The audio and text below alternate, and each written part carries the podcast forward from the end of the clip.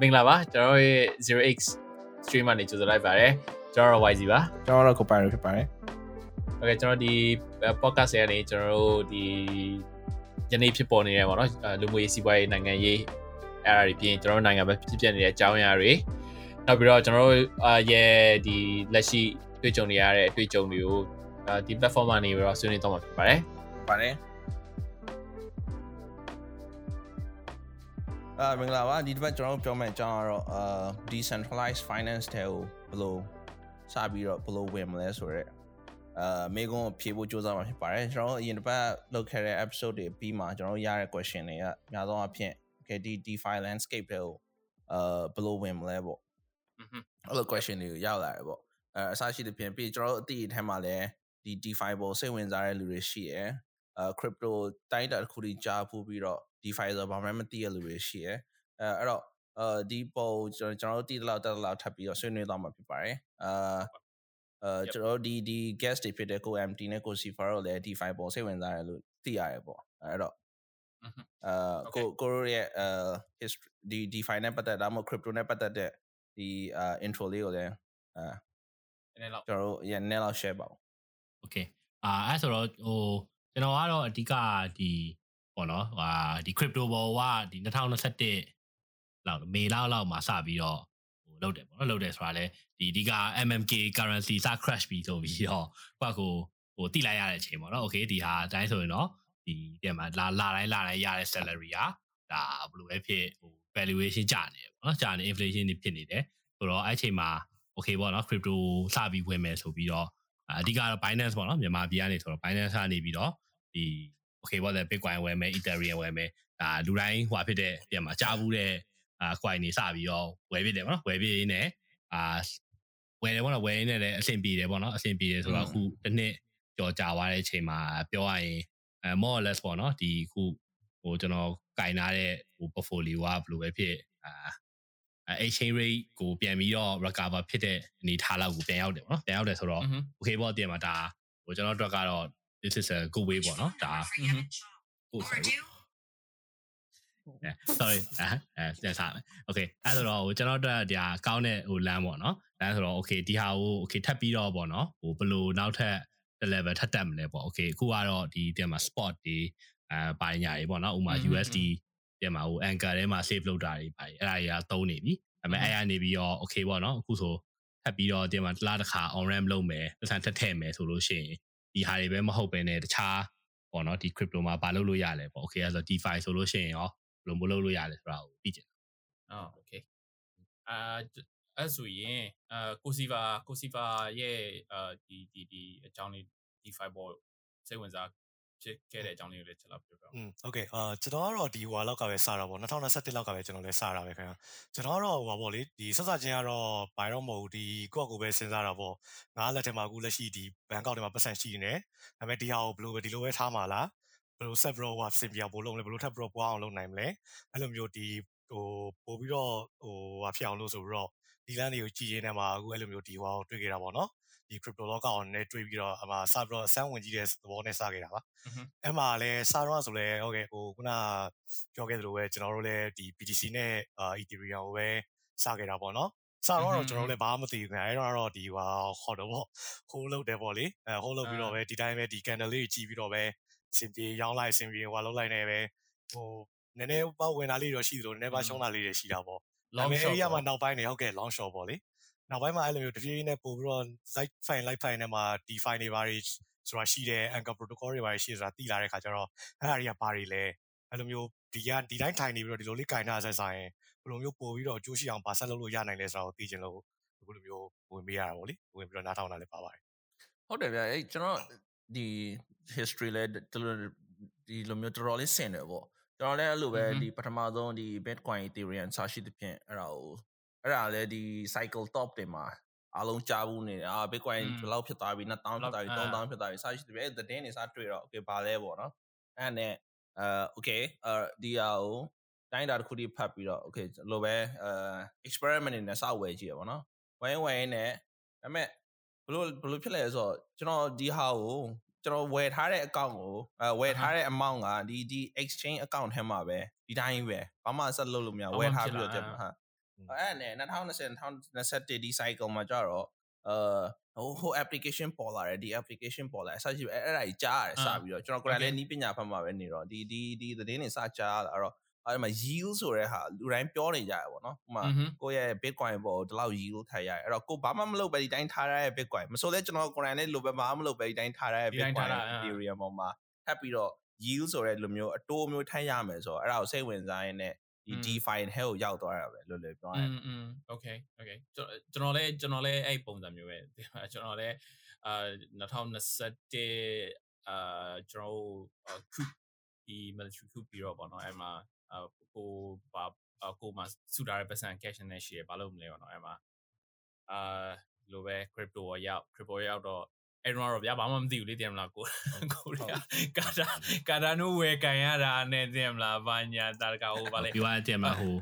တင်မကိုကင်ထားတဲ့ကွန်လေးကမြက်နေပြီဆိုရင်အာရောင်းလိုက်ရမှာရောင်းလိုက်ရမှာရောင်းပြီးသွားရင်ဘယ်လိုပြန်ဝယ်ရမှာလဲပြန်ပတ်သက်ထည့်ရမှာလားဘယ်လိုလဲဟုတ်တယ်ဟုတ်တယ်အဲ့တော့အဲ့တော့ဘာမှမသိဘူးတင်မလားအဲ့တော့ exchange နဲ့ဝင် top 5ခုရွေးအဲ့ဒီကနေဝယ်ဒါပဲဘာဘာမှမသိဘူးတကယ်လုံးဝပြပြားမှာဗျာနောက်မှကျွန်တော်ဒီ ကိုပိုင်ရိုနဲ့တွေ့ပြီးတော့မှအာနည်းနည်းသူတို့စီကနေပြီးတော့အာဒီဂျာဒိုင်လောက်လို့ရတယ်ပေါ့နော်ဒီဒီဟာတွေအာ DeFi တွေပါရှိတယ်ပါကျွန်တော်ကျွန်တော်ဒီ DeFi ပေါ်ရောက်လာ so အဲ့တော့ကျွန်တော်တို့ဒီ DeFi ပေါ်ကိုအာ DeFi ပေါ်အာမှာပေါ့နော်ဟုတ်ဘာတွေ DeFi ပေါ်မှာဘာဘယ်လိုဘယ်လိုလုပ်လို့ရလဲပေါ့ဘယ်လိုမေးရမလဲဒီမေးခွန်းဟိုကျွန်တော်တို့ ထားပါဘယ်ကနေစရမလဲပေါ့ဘယ်ကနေစရမလဲပေါ့တင်မလားကိုမှကိုမှရှိပြီရခုနပြောလို့မျိုးကိုစီပါပြောလို့မျိုးကျွန်တော်စီမှာဥစ္စာရှိပြီ eat eat ရှိပြီ BTC ရှိပြီ whatever တင်မလားအဲအဲ့ရှိပြီရကဲအဲ့လိုဆိုလို့ရှိရင်ကျွန်တော်ဒီ D5 ကိုဘယ်လိုသွားမလဲပေါ့အဲ့လေးချက်တော့အာအာရှင်းပြပေးပါအဲဘယ်လိုပြောမလဲအဲ့ကြတော့ဒီလွယ်လွယ်ပြောရင်တော့ဒီကိုကိုဝယ်လိုက်တဲ့ coin ပေါ်မူတည်တယ်ဗျဥပမာကျွန်တော်တို့ in တစ်ခါရှင်းပြဘူးလေဒီ smart contract ဒီ function လော်လေပြန်ဒီ smart contract တွေ run လုပ်ရတဲ့ blockchain မျိုးပေါ့လော်လေပြန်ရင် ethereum ပေါ့နော်အဲ့ဒီပုံမှာ smart contract တွေလို့ program တွေစ run လုပ်ရတယ်အဲ့တော့ program ဘာ program ဖြစ်ဖြစ် ethereum ဖြစ်ဖြစ်ဒီ blockchain ကိုပဲ state machine ဖြစ်ဖြစ်အာလော်လေပြန်ရင်ဟိုလိုပေါ့ computer တစ်ခုလိုပဲ decentralized computer ပေါ့အဲ့ computer ပေါ်မှာကိုယ့်ရဲ့ application တွေလာရေးပြီးလာ run လို့ရတယ် application တွေ smart contract နော်လာ run လို့ရတယ်အဲ့တော့အဲ့တော့ဖြစ်လာတော့ ဘာတွေဖြစ်လာလဲဆိုတော့ဒီလိုမျိုး application တွေပေါ်လာတယ်ပေါ့ဗျာလွယ်လွယ်ပြောရရင် application တွေပေါ်လာတယ်အဲအဲ့ဒါ DeFi app ကျွန်တော်တို့အဲ့ application တွေကို DeFi ပေါ်မှာကျွန်တော်တို့ protocol လို့လည်းခေါ်တယ်အဲအဲ့တော့အဲ့အဲ့ protocol တွေကအဲဒီ blockchain ကိုယ်တိုင်ကဒီဒီငွေကြေးနဲ့ဆိုင်တဲ့ဒီ application တစ်ခုမျိုးဖြစ်တဲ့အတွက်အများဆုံးအဖြစ်ဒီ protocol တော်တော်များများတော့အာငွေကြေးနဲ့ဆိုင်တဲ့ protocol တွေများတယ်ပေါ့နော်อือဟึအဲ့တော့ကိုမှရှိတဲ့ Ethereum, Bitcoin စသဖြင့်ဒါတွေကိုဒီဒီ chain ပေါ်ယူလာပြီးတော့ ဒီ protocol တွေနဲ့ interact လုပ်ရတယ်အဲ့ interaction ငါ့ဟိုဒါ DeFi landscape လို့မျိုးဖြစ်သွား DeFi အဲ့တော့ protocol တွေကလောလောဆယ်အများကြီးရှိနောက်ထပ်ပြီးတော့ဒီဒီ space ကခုမှစပြီးတော့ innovate ဖြစ်နေတဲ့ space မျိုးဖြစ်တဲ့အတွက်ဒီထပ်ပို့ပြီးတော့လည်းအများကြီးရှိလာနိုင်တယ်ပေါ့ကွာအခုဒီလက်ရှိအဲလည်းအများကြီးရှိအဲ့တော့ဒီ beginner မျိုးပေါ့ဒီဒီဒီအခုမှကြားဘူးတဲ့လူမျိုးကဘာပဲပြောဒီ space ကိုရောက်လာတဲ့အခါမှာ okay ဒီ final တော့သူစဝင်ခြင်းပြီအဲ့တော့သူရဲ့သူပိုင်ဆိုင်တဲ့ asset တွေကိုသူ centralized exchange တွေဝယ်ထားပြီးတော့သူ wallet ထဲကိုသူ withdraw လိုက်ပြီ okay နောက်ပြီးတော့ဘယ်ကစရမလဲဆိုရဲဒီ question ကပြောရရင်တော့ဖြေဖို့တော့တော်တော်ခက်တယ်ဗျာဟုတ်ဆိုတော့အများကြီးပဲဗျာဟုတ်တယ်ဟုတ်တယ် application တွေများတာမဟုတ် chain တွေလည်းအများကြီးပဲကိုကိုပါ Ethereum ရှိမယ်နောက်အခု Binance chain ရှိမယ်နောက် Chronos ရှိမယ် Avalanche ရှိမယ်စသဖြင့်အများကြီးပေါ့ဘာကွာလဲလည်းမသိ chain တွေကတော့အများကြီး bell သွားမှန်းလည်းမသိပြီးတော့ပို့ဆိုတာ ကို chain မှာကို app နဲ့မဟုတ်ချို့ app တွေကလည်း cross chain ဆိုပြီးတော့ရှိမှာဒီ chain မှာလည်းရှိဟို chain မှာလည်းရှိဟို chain မှာလည်းရှိအဲ့တော့အဲ့ chain တွေကလည်းဘာကွာလဲပေါ့ဘယ်လိုသွားမလဲဘယ် chain ပေါ်ကဘယ် app ကိုသွားမလဲစရှိသဖြင့်အဲဒီ question ကဖြေဖို့တော့တော်တော်ခက်တယ်ပေါ့ဒါပေမဲ့ကျွန်တော်တို့တက်နိုင်ဆုံးဖြေဖို့စူးစမ်းရမယ်ပေါ့ဒီ episode မှာတော့ ဟုတ်ကဲ့ဟုတ်ပါတယ်အဲမှန်တယ်ဘာလို့ဆိုတော့ကျွန်တော်စဝင်တော့လည်းလို့ပဲလေပြန်လာအာကဲဟုတ်ပြီငါလောလောဆယ်မှာဝယ်ထားတာတော့ဒီ centralized exchange ပေါ့နော် Binance တို့ Qcoin တို့ Gemini တို့မှာရှိရဲအာပထမ step အနေနဲ့ဗျာကျွန်တော်သတိထားမယ်ချက်ပေါ့နော်ဒီအာကို wallet ကို withdraw လုပ်တယ်ဆိုတဲ့အချိန်မှာ chain တွေပေါ်မှာမူတည်ပြီးတော့မှကျွန်တော်ဆိုရင်များကျွန်တော်အတွေ့အကြုံပြောပြမယ်ဆိုလို့ရှိရင်ပထမဆုံးကျွန်တော် Ethereum ဝယ်တယ်ကျွန်တော် Ethereum ကိုကျွန်တော် အာ withdraw လုပ်လိုက်တယ်ကျွန်တော် MetaMask ပေါ် withdraw လုပ်လိုက်တဲ့အချိန်မှာ ERC20 နဲ့ withdraw လုပ်လိုက်တယ် ERC20 နဲ့ withdraw လုပ်လိုက်တော့ဘာဖြစ်သွားလဲဆိုတော့ Ethereum ပေါ်ရောက် wallet တွေတော့ရောက်သွားတယ်ဒါပေမဲ့ ERC20 chain ပေါ်မှာဖြစ်နေတဲ့အတွက်ကြောင့် gas ကအများကြီးပေးရအဲ့တော့မတ်မတ်ရရဗျာကျွန်တော်ဝယ်ထားတာကမှဘယ်လောက်အာ200ဘိုးလောက်ရှိတာ200ဘိုးလောက်ရှိတာဟို gas က30ကျော်လောက်ပေးလိုက်တော့ကျွန်တော်ကျင်တာကျွန်တော်အဲ့အဲ့လိုပဲဗျာတင်မလားဒါဒါတွေကဒီဒီဒီသတိထားမယ့်အချက်လေးတွေပေါ့နော် အဲအဲ့လိုဆိုတော့အဲ့ဒါအဲ့ဒါကတော့ဘယ်လိုပြောမလဲအဲ့ lesson တွေက hard lesson တွေလို့ဖြစ်နေဟုတ်တယ်ဗျာဟုတ်တယ်ကိုကိုယ်တိုင်ကြုံဘူးမှကိုယ်တိုင်လုပ်ကြည့်ပါနောက်မှမယ်သွားပြီးတော့အဲအဲ့အဲ့လိုမျိုးတွေဖြစ်ဟုဖြစ်တ်တတာယ်ဟုတ်တယ်ကျွန်တော်တို့ကိုယ်တိုင်လည်းကြုံကြုံဘူးတယ်ပေါ့နော်ဟုတ်တယ်ကျွန်တော်ဟုတ်တယ်မလားဟိုဒီပတ်စံဟိုပတ်စံပဲဖားလိုက်ပါတော့နော်ပတ်စံကနေဖြစ်လာတဲ့ဟိုပါပဲပေါ့တည်ရမလားဒီဒီ crypto coin လေးကိုတည်ရမလားဟိုကနေရွှေဒီကနေရွှေဆိုတာဟို just a few clicks ကွာတည်လားဒါပေမဲ့ဟုတ်တယ်ဟိုကိုကဟို transaction fee ဟာပေါ့နော် gas fee ပေါ့ gas fee gas fee ဟာကိုသွားပြီးတော့တင်မှာဟိုဘာချိန်မှန်းလည်းမသိတည်မှာဆက်ဆချင်းဆိုတော့လေ okay တင်မှာ MetaMask ကိုထည့်ကြတော့ okay ထည့်မယ်ကွာထည့်လိုက်ရင်တည်မှာအဲ gas fee ကြည့်တော့မှ gas fee ကလည်းတရားသူ currency နဲ့တူပြန်တွက်ကြည့်တော့မှအာတရားတော်သေးကြည့်တာပဲဟုတ်တယ်ဟုတ်တယ်အဲအဲ့လိုမျိုးပေါ့နော်အဲအဲ့ဆိုတော့ဟိုကျွန်တော်အဓိကဟိုပါပေါ့နော်ဒီခုနလိုပေါ့ okay တင်မှာဒီဒီ crypto စပြီးတော့ဟိုကင်နေပြီပေါ့နော်ကင်နေပြီဆိုတဲ့အချိန်မှာ okay တင်မှာကိုအခု existing coin တွေကိုပဲ DeFi ပေါ့ဘယ်လိုတင်ရမလဲဆိုတော့တစ်ပိုင်းပေါ့နော်အဲ့ဒါအပြင် okay တင်မှာ okay ဒီဒီ coin တွေကတော့ထားလိုက်ပါတော့အခုတင်မှာဟိုကိုကကို comfortable ဖြစ်နေပြီကိုကကိုတင် spot trading လုပ်မယ် anchor လေးထည့်တာတွေရှိမယ်အဲလို new capital ထပ်ပြီးတော့ bring in လုပ်မယ်ပေါ့နော်ထပ်ပြီးတော့ဟိုမှာလာကရတယ်ဟိုတလားတစ်ခါတည်ရမလား okay ပတ်စံလေးထည့်မယ်ဥမာဒေါ်လာ100ဒေါ်လာ200အဲ့လိုမျိုးကို ဒါဟိုဘက်ပြန်မှာ decentralized exchange တွေနဲ့ဒီ spot တွေဘာညာတွေနဲ့မဆိုင်ဘူးတော့ DeFi အတွက်ပဲဆိုလို့ရှိရင်ကြတော့အဲ့ဘာလို့မို့ဘယ်ဘယ်ဘယ်ကနေစရမလဲဆိုတဲ့ဟာအတွက်ပြီးတော့အဲ့ပတ်စံကိုဟိုဘယ်လိုမျိုးနဲ့ပွားလို့ရတယ်ဆိုတဲ့ဟာကိုအဲ့လို generate ပေါ့နော်ဒီ DeFi ပေါ်မှာဘယ်လိုအဲ့ပတ်စံပွားတဲ့ကိစ္စကိုဘယ်လိုလုပ်လဲပေါ့ပွားပွားပွားချင်တာပွား yeah yeah ပွားခြင်းအဲဘယ်ကနေစလဲဆိုတော့ လွယ်လွယ်ပြရင်ဒီ2020နှစ်လယ်လောက်က chain ကတစ်ခုတည်းရှိရဗျ Ethereum ဆိုတဲ့ chain ပေါ်မှာပဲ DeFi လုပ်လို့ရတယ်ဒီသူတို့2020နှစ်လယ်လောက်က DeFi summer ဆိုပြီးတော့ဒီ compound finance လာမသိအဲ့ကနေစရဲဆိုလဲအဲ့တော့အဲ့ basically အဲ့ app ပေါ်လာတယ်ပြောအဲ့ဒီနွေရာဒီ3လလအတွင်းမှာ app 3လေးခုပေါ်လာပြီးတော့3လ5ခုပေါ့3လ5ခုပေါ်လာပြီးတော့ဒီပေါ်မှာပဲစပြီးတော့ transaction တွေလုပ်ရင်းနဲ့ DeFi ဆိုတဲ့ဒီဒီဒီ concept က တကယ် space ကိုကြီးပေါ့တကယ် real life မျိုးရောက်လာပြီးတော့ဘာလို့လဲဆိုတော့ you know Ethereum ထဲမှာဒီ theoretical တဲ့မှာ DeFi EVM app တွေလာ run လို့ရတယ် search တွေဒါနဲ့ပဲပြီးနေတယ်ကွာတကယ်တကယ် app protocol ကိုမျက်စိရှိရောက်လာတာဒီ2020နှစ်လယ်လောက်မှာစပြီးတော့ရောက်လာအဲ့တော့အဲအဲ့ကနေစဖြစ်ပြီးတော့ Ethereum က utility တစ်ခုပို့လာပြီးတော့ ETH token ဟိုဟာကိုဈေးတွေမတရားခုန်တက်သွားတယ်အဲ့တော့အဲ့၄၅6လအတွင်းမှာဟိုဒီ app တွေကတုံတန်ရုံ capital မရှိတဲ့လူကဒီ Ethereum ထဲမှာဘလို့မှလာပြီး transact လုပ်လို့မရတော့ဘူးဖြစ်သွားတယ် ဟုတ်ဒီ app တွေဘာတွေပေါ်လာလဲဥပမာဗျာ landing app တွေပေါ်လာတယ်ဗျာကိုယ့်ရဲ့ပတ်စံရှိတဲ့အာကို amount တစ်ခုကို collateral ထားထားပြီးတော့ကိုပတ်စံ borrow လို့ရမယ်စရှိပြီဒါပေမဲ့อืม Ethereum ပေါ်မှာ gas fee ကအရင်ဈေးကြီးလာတော့တုံးတိုင်အောင်50 100ဒေါ်လာ100 200 300ရလူကဝင်ပြီးတော့သုံးလို့မရတော့ဘူးဖြစ်ဟုတ်တလာယ်သုံးလို့မရတော့ဖြစ်လာတော့ဘာတွေဖြစ်လာလဲဆိုတော့အမသုံးရသုံးကျင်တယ်ဒီဒီ scene ကြီးကအရင်ကြီးထွားလာတဲ့နဲ့အမျှအာဒီ crypto DeFi နဲ့ဝင်ကျင်တဲ့လူတွေများလာတယ်ပေါ့နော်အဲ့တော့ market requirement ရရော တခြား market requirement ရပဲပေါ့လွယ်လွယ်ပြောရရင်တော့အဲ့တော့တခြား chain တွေစပေါ်လာတယ်ပေါ့ဒါ chain တွေရဲ့ target ကဒီ gas fee ကိုတက်နိုင်တယ်များနဲအောင်အဲ့ချိန်တော့ပေါ့နော်2021ဒီနှစ်စလောက်ကဒီဒီများဒီ alternative chain ရဲ့ဒီ number 1 goal ဒီ goal ပေါ့သူရဲ့ motivation က Ethereum ထက်ပို့ပြီးတော့အာ transaction fee နည်း fee နည်းရမယ်အာ Ethereum network လောက်သူတိုင်းတာတစ်ခုဒီ network Ethereum ပေါ်မှာရှိတဲ့ traffic ကိုသူ handle လုပ်နိုင်မယ် transaction နည်းနည်းနဲ့လူတွေလာပြီးသုံးလို့ရမယ်အာအဲ့ကနေစပြီး chain တွေပေါ်လာတယ် chain တွေပေါ်လာอืဒီม DeFi space DeFi ပို space ကြီးလာတယ်ပိုအဲပိုကြီးလာတဲ့နဲ့ chain တွေအများကြီးပေါ်လာအဲအဲ့လိုမျိုးပေါ့အဲ့တော့ဒီအဲအဲ chain တွေအများကြီးပေါ်ဒါပေမဲ့တခုရှိတာတချို့ chain တွေကအာတတ်တူတူတတ်ကြီးလို့ဖြစ်နေတာဒီလားအဲတချို့ chain တွေကြောက်လဲအချင်းချင်း connected ဥပမာလွယ်လွယ်ပြောရင် matic မျိုးကကြတော့ ethereum မျိုးနဲ့အရန် လွယ်လွယ်လေး connected မျိုး connect လုပ်လို့ရတယ်ချို့ chain တွေမျိုးကြောင့်မ Luna မျိုးကြောင့်တီးတိုင်လို့ဖြစ်နေအဲ့တစ်ခုနဲ့တစ်ခုအဲ့အဲ့တော့ဘာတွေဖြစ်လာလဲဆိုတော့အဲ့တစ်ခုနဲ့တစ်ခုကြားမှာပေါ်လာတဲ့ bridge တွေပေါ်လာတယ်။ဆရှိသဖြင့်ဖြည်းဖြည်းနဲ့ဒီဒီ chain တွေကအချင်းချင်း interconnected မျိုးပြန်ပြန်ဖြစ်လာတယ် the change ဟိုဗာလဲ blockchain တစ်ခုကနေတစ်ခုကိုဟိုဟုတ် communicate လုပ်လို့ရမယ့်နည်းတွေပေါ်လာတော့ဟုတ်နီးအဲ့လိုမျိုး communicate လုပ်လို့ရမယ့်အာတစ်ခုနဲ့တစ်ခုပုံစံ connect တွေ connect ပေါ့ဖြစ်အောင်လုပ်ထားတာမျိုးအာလေးပေါ့လေဟုတ် okay okay အဲ့တော့အဲ့တော့ ကျွန်တော်တို့ခုနပြောပြောအာအာဘာပြောလို့ပေါ့နော် DeFi ပေါ်ထားပါတော့ yeah wallet ပေါ်ရောက်ပြီကျွန်တော် wallet ပေါ်ရောက်ပြီဆိုတော့ဒီအာအာဘယ်လိုပြောလဲ money lending and borrowing ပေါ့နော်ကိုပတ်စံချီမယ်ကိုပတ်စံအာကိုပတ်အပေါင်ထားမယ်ပတ်စံချီမယ်အဲ့ဒီနေရာမှာဒီ example တွေပေါ့နော်အာခုနက Ethereum ပေါ်မှာ Ethereum အနေစပြီးတော့ example လေးရှိချက်လောက်ပြောပြပြဟုတ်အေးအေးအဲ့ဒါမပြောခင်ဒီဒီ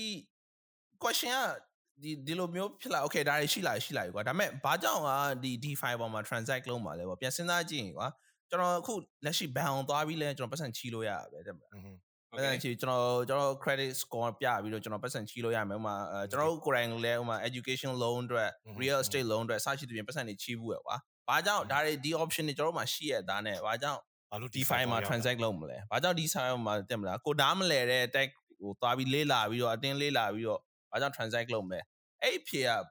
အဖြေကတော့ဘာကြောင့်လဲဆိုတော့ DeFi ရဲ့တချို့နေရာတွေကဘာပဲပြော traditional finance ပုံမှာပေးတဲ့ option ထက်လက်ရှိကပိုတာတယ်ပေါ့။နောက်နောက်ဒီအမြဲတာနေမလားတော့ကျွန်တော်လည်းမပြောတတ်ဘူး။ဒါပေမဲ့လက်ရှိအချိန်မှာတော့ပိုတာတယ်။ဘာတွေတာလဲဆိုတော့အဲအထူးသဖြင့်ဥမာကျွန်တော် loan တစ်ခုယူမယ်ထားအာဟမ်ခု DeFi ပေါ်မှာဒီ RV ဖြစ်ဖြစ်ခုနပြောတဲ့ compound ဖြစ်ဖြစ် RV ဖြစ်ဖြစ်ကနေ loan တစ်ခုယူမယ်ထားဒီ RV ဆိုတာဒီလိုမျိုးဒီငွေချီးတဲ့ app မျိုးပေါ့နော်လွယ်လွယ်ပြောရင်တော့ okay loan တစ်ခုယူမယ် အဲ့ loan တစ်ခုယူဖို့ loan ချက်ချင်းရဖို့3-4စက္ကန့်နဲ့ပြီးတယ်ဗျာသိလားအဲ့ loan က Okay. ဘယ်လောက် amount ဖြစ်ဖြစ်နော်1ကျွန်တော်မှကျွန်တော်တက်နိုင်တဲ့လောက်ကျွန်တော်1 million ချီးကျင်လဲအဲ့1 million နဲ့ချီးတဲ့ process နဲ့1 dollar ချီးတဲ့ process နဲ့တူတူပဲတူတူအဲ့ပဲဒါလည်းချိန်ကြလေး second လောက်နဲ့ requirement yeah. လို့ဒီလည်းမသိရတာအတွက်အဲ့တော့ဒီ process ကိုကျွန်တော်တို့ဒီဒီ bank real life traditional banking scenario မှာပြန် translate လိုက်မယ်ဆိုရင် ဥပမာဗျာကျွန်တော် bank တစ်ခုသွားမယ်ဒီ bank ဒီဒီ counter မှာကျွန်တော်ရဲ့ credit score ကိုပြမယ်ကျွန်တော်ရဲ့ score ဘာဘာသူတို့တောင်းတဲ့အချက်လက်ကိုရေးချက်လက်စရှိသဖြင့်လောက်ကင်ဝင်ငွေစရှိပဲအဲ့ဒါတန်းစီပြီးပြပြပြီးမှဒီ loan application ကိုကျွန်တော် fill အာဖြည့်ဖြည့်ပြီးတော့သူတို့တင် maybe အာကဲလို့အာပို့ပြီးတော့နည်းနည်း efficient ဖြစ်တဲ့ bank မျိုးဆိုရင်ချက်ချင်း result တစ်ခုသိရင်သိမယ်အာ efficient မဖြစ်တဲ့ bank မျိုးဆိုရင်နောက်3လေးရက်မှပြန်လာပါစရှိသဖြင့် yeah working days အဲဟုတ် working days ဘယ်လောက်စောင့်ပါဆိုတော့ okay အဲ့ဒါအပြင်ကိုဒီ loan application reject ဖြစ်နိုင်သေးတယ်ကိုကိုကိုရေးကိုတာချက်အားလုံးပြီးပြည့်စုံရင်တော့မှအကြောင်းတစ်စုံတရာကြောင့်သူတို့ background check ပြီးတော့တစ်ခုခုလုပ်ပြီးတော့ reject ဖြစ်နိုင်သေးတယ် reject reject ဖြစ်ရင်ခါပြန် apply ရင်လည်းအပြိုင်ဒါမှမဟုတ်တခြား option တစ်ခုထပ်ရှာထပ်ရှာတော့ဒီပေါ့ process ကပြောရရင်3လေးရက်နဲ့မပြီးဘူးကဲလို့ accept ဖြစ်သွားရင်တော့အဲကိုယ့်စီရောက်လာမယ်သူတို့ငွေစရှိသဖြင့်ကိုယ့် account နဲ့ဖြစ်ဖြစ်ရောက်လာတဲ့အချိန်တစ်ခုရှိအောင်မယ်အဲ့တော့ online ဒါကပြီးအမောက်များရင်များတော့ဒီ process ကကြီးသွားနိုင်သေးတယ် ဒီထက်ပိုပြီး Okay. ကြီးကြီးသွားဖို့ပဲရှိရကိုတောင်းတဲ့ကို loan amount ဖြစ်ဖြစ်များအဲ့တော့ပြီးရင်အဲဒါဒါဒါခုပြီးရင်ဒီ banking model ကသူတို့ဒီလော်လော်ပြရင်ဒီ banking bank နေရဲ့ banking model ကဥမာသူကဒီ loan တွေပေးတယ်ဗျာဥမာကျွန်တော်တို့ education loan ရှိမယ် tuition fee loan တွေရှိမယ် real estate နဲ့ပတ်သက်တဲ့ mortgage loan တွေရှိမယ် small business loan တွေရှိမယ်အဲ့ဒါတွေကိုအာဒီ loan တွေကိုအာချင်းငွေအဖြစ်ထုတ်ပေးတယ် အဲ့ပေါ်မှာသူတို့ percentage တစ်ခုယူတယ်အတိုးယူတယ်အဲအတိုးယူရပေါ့နော်အဲအတိုး percentage ကိုယူရအဲ့အတိုးကအဲ့အတိုးကလုံးပေါ်မှာမူတည်ပြီးတော့တော်တော်ကြီးရဲ့လုံးတွေဆိုတော်တော်ကြီးရဗျဥပမာကျွန်တော်ဆိုရင်အခုလက်ရှိဒီအာကျောင်းကကျောင်းတက်ကျွန်တော်တက်ကလို့တက်တော့ကဒီ school fee loan မျိုးယူထား tuition fee loan ယူထားရပေါ့ tuition နော် fees အဲ့ okay tuition fee loan ရဲ့ပေးရတဲ့အတိုး percentage က4% compound ပေါ့ဒီနှစ်ထပ်တိုး4%အဲ့ဆိုရင်အဲ့ amount ပေါ်ကို တစ်နှစ်ကုန်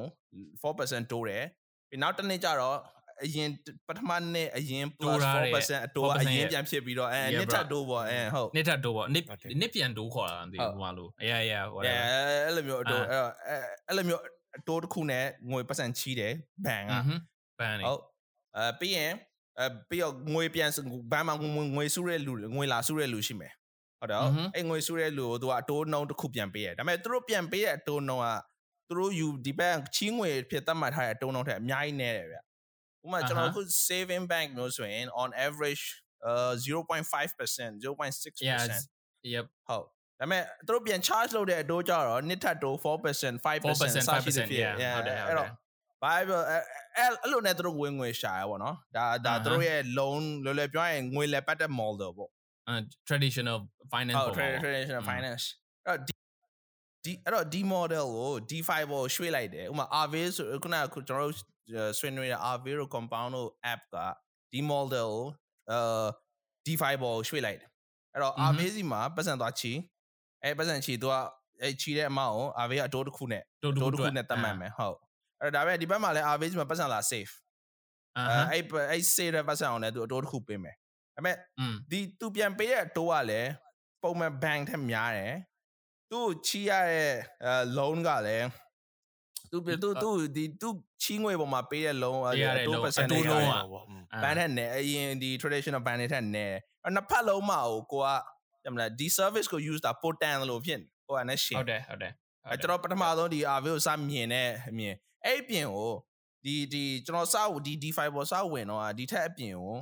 အာဘာတွေရှိလဲဆိုတော့ ဒီဒီ chain တွေကအခုမှစ launch တာကွာကျွန်တော်စကျွန်တော်ဒီ finance ဝင်2021နှစ်လယ်နှစ်စပိုင်းလောက်ပါဗောနော်အဲ့ chain တွေကအခုမှစ launch တာ launch တော့ launch တော့သူတို့ဘာလိုချင်လဲဆိုတော့ chain တွေပေါ် user တွေလာလိုချင် user တွေများများလာပြီး transact လုပ်တာလိုချင် okay လိုချင်တော့ဘာလဲဆိုတော့ incentive တွေပေးတယ် incentive ပဲဒီ protocol တွေလာသုံးရင်ဒီ protocol အကျိုးခံစားခွင့်အပြင်တက်တက်ပို့ပြီးတော့ဒီဒီဆက်စချင်း basically ဟိုလိုပေါ့အာဘယ်လိုပြောမလဲအဲလက်ဆောင်ပေးလို့မျိုးပေါ့တင်မလားဒီဒီဆက်စချင်း ဟုတ်တယ်ပတ်နှစ်ပတ်တစ်လအစရှိသေးတယ်အဲ့မှာအဲ့ဘာဖြစ်လာလဲဆိုတော့ဒီ protocol သုံးဖို့ပတ်စံရနေလို့ဖြစ်နေလာသုံးဖို့ပတ်စံထုတ်ပေးလို့ဖြစ်နေအဲ့တော့ကျွန်တော်မှအဲ့တော့စဉ်းစားဒီခွေလက်ရှိဒီဘန်ကျွန်တော်မှရှိရဲ့အစုငွေကိုဘန်ထဲမှာသွားထည့်တိုင်းကျွန်တော်0.05% 0.5%အောင်ပဲရမယ်တစ်နှစ်လုံးမှာမှာလို့ okay RV ပေါ်မှာဆိုရင် RV ပေါ်မှာပေးတဲ့တုံးတော့ကလည်းပုံများတယ်အဲ့ပြီးတော့ incentive ကလည်းထပ်ရအောင်မယ်ဆိုတော့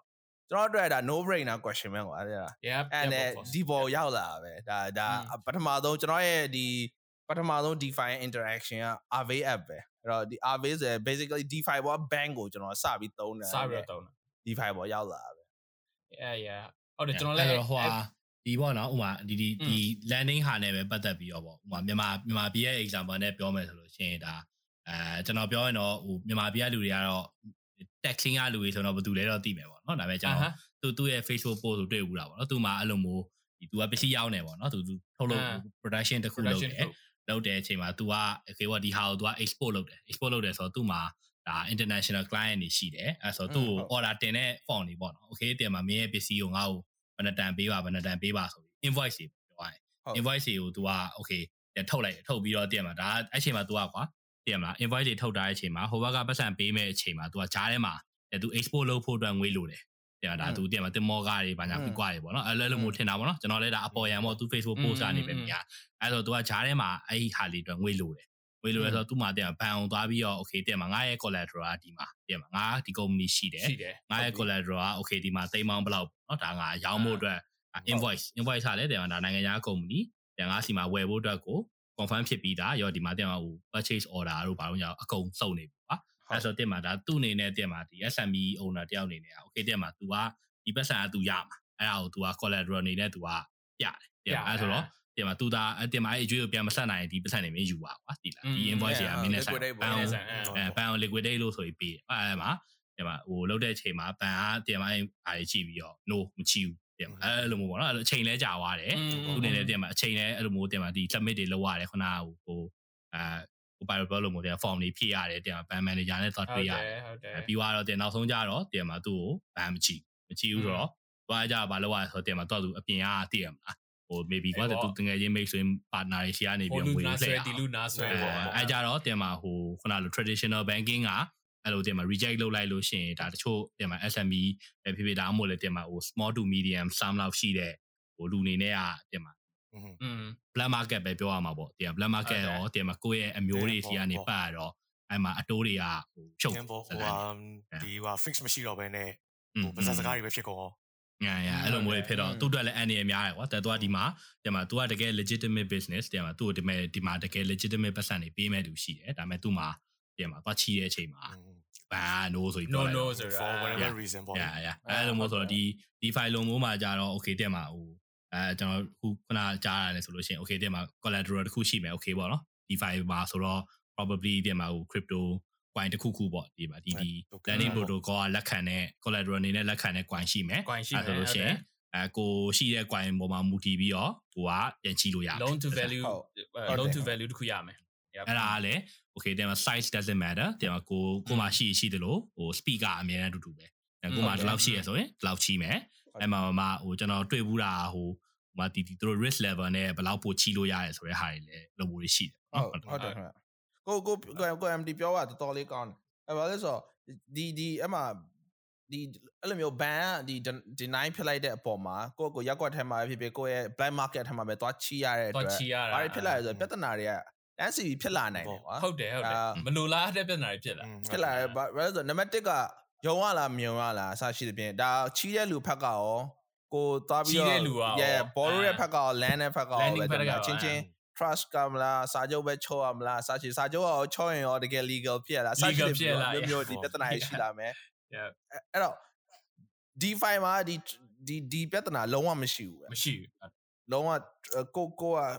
ကိုကအဲဘယ်လိုခေါ်လဲ trustless ပေါ့ဘယ်သူတရားတူတရားဟိုမှလည်းယုံကြည်နေကြမလို့ဘူး permission တောင်းနေကြလည်းမလို့အားလုံးက on chain ဟို transparent ဒီတိုင်း transact လို့ရတယ်ကိုယ့်ရဲ့ကိုလောက်ခဲ့တဲ့ဒီ history ကလည်းပြန်ကြည့်လို့ရတယ်ကိုတက်နေတဲ့အတိုးနှုံးကလည်း block space တိုင်းမှာ block တစ်ခုတက်သွားရင်ကိုအတိုးနှုံးဘယ်လောက်တက်သွားလဲချက်ချင်း real time သွား show လို့ရတယ်ကိုအတိုးနှုံးဘယ်လိုတက်နေလဲ real time ပြန် show လို့ရတယ်တော့စရှိတဲ့တော့ပြင်ကြည့်လို့ရတယ်အဲ့တော့အဲ့တော့ဒီဒီအားသာချက်ကျွန်တော်တော့တော်တော်ကြိုက်တယ်ဗျဘာဖြစ်လို့လဲဆိုတော့ဥပမာဟုတ်တယ် bank မျိုးကမယုံကြည်ရယုံကြည်ရအထက်ဒီ process ကကျွန်တော်ဟိုဘယ်လိုပြောကျွန်တော်မမြင်ရဘူးဗျ opaque အရင်ဖြစ်လွန်းတယ်อืมသိလားယုံကြည်ရတဲ့ bank ဆိုရင်တော့ okay ငါတော့ချီးမှာပါငါ application valid ဖြစ်တိုင်းချီးမှာပါဒါပေမဲ့လူတော့ဖြစ်ပေမဲ့ဘာပဲပြောဒီ process က opaque ဖြစ်လွန်းတယ်အဲ့တော့အဲ့ထက်ကျွန်တော်နောက်မှဖြစ်နေအားလုံးကျွန်တော်မြင်ကျင်တယ်ဗျာကျွန်တော်ပတ်စံနဲ့ပတ်သက်လိုက်အဲ့ဒီဒီဒီ Okay. file ပေါ်မှာကျွန်တော်အတွက်ဒီ transparency ကကျွန်တော်တို့အရင်ရေးကြည့်ရပေါ့အဲ့အဲ့တော့ဒီဒီဒီပေါ်ကိုရောက်ပြီးကြတဲ့ကျွန်တော်တခြား option လုံးဝမမတွေးတော့လောက်ပဲမစင်စားတော့တလောက်ပဲပေါ့ဟုတ်ကျွန်တော်လည်းအဲ့လိုပဲကျွန်တော်ဒီ file တဲ့ကိုစရောက်တော့လည်းအဲ့လိုပဲအာဝယ်ထားတယ်ပေါ့ငါမှာ BTC ရှိတယ်အာ E ရှိတယ်ဟောဘာညာဆိုတော့အာအဲ့နဲ့မဟုတ်ဘူးခင်ဗျာဒီတိုင်းကင်ထားလို့ရှိရင်တော့ဘာမှမထူဘာလို့ဆိုတော့ဒီတိုင်းကင်ထားတာဘာနဲ့တူလဲဆိုတော့ခင်ဗျာလောင်းစားလုပ်နေတယ်တူတယ်ဟုတ်တယ်မလား အဲ့ဆက်တက်တက်တက်လာတဲ့အချိန်မှာတက်လာရောင်းတက်လိုလာက်မယ်တော့ဆောင်းရောင်းမယ်အာဆောင်းမယ်လောင်းမယ်အဲတက်လာတဲ့အချိန်မှာရောင်းအဲရောင်းမယ်ကြောက်ဝိုင်းပြောင်းဝိုင်းမယ်ဒါပေမဲ့ဘယ်ချိန်တက်လာမယ်ဘယ်ချိန်ကြောက်လာမယ်တော့မသိဟုဘူးတ်တယ်ဟုတ်တယ်မလားအဲ့တော့တနေ့တတကယ်နေ့လုံးတော့ဝညာလုံးဝတကယ်လောင်းကစားလုပ်နေတဲ့အတိုင်းပဲအဲ့တော့ okay အဲ့လိုဆိုရင်ဘာလုပ်လို့ရလဲပေါ့နော် DeFi ရှိရဲဒီ Avero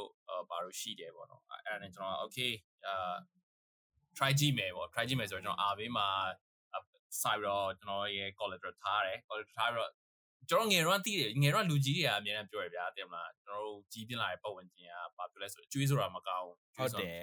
ဟုတ်တယ်မလားဒါကျွန်တော်မြန်မာလူမျိုးတွေဒိုင်းမှာမြန်မာလူမျိုးတွေဆိုတော့ကျွန်တော်ပြော90%လောက်ပေါ့ဗျာ10%တော့ထားတော့ upper layer ဆိုတော့90%လောက်အကျွေးဆိုတာမကောင်းအကျွေးဆိုတာမရှိဘူးねအကျွေးဆိုတာနောင်တနေရာထိပါတတ်တယ်။ဘာညာဒါဒါတွေကကျွန်တော်တို့နားယူဝါနေအဲ့တော့ကျွန်တော်က RV ထဲတော့ထည့်တယ်။ထည့်တော့ထည့်လိုက်တဲ့ချိန်မှာဘာရလဲဆိုသူစီကခုနပြောရဲအခုပါပြော incentive တွေပါရတယ်။ ဒီ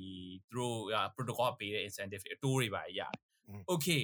ဒါပေမဲ့သူကထတ်ချီးမဲ့ဆိုလို့ရှိရင် protocol ကဘာပြောလဲဆိုတော့ဒီဒီ RV တို့ဘာတော့ငါစီကထတ်ချီးတယ်ဆိုလို့ရှိရင်ငါမင်းကိုဒီလောက်ပေးမယ်အဲ့ဒါအပြင်မှာငါ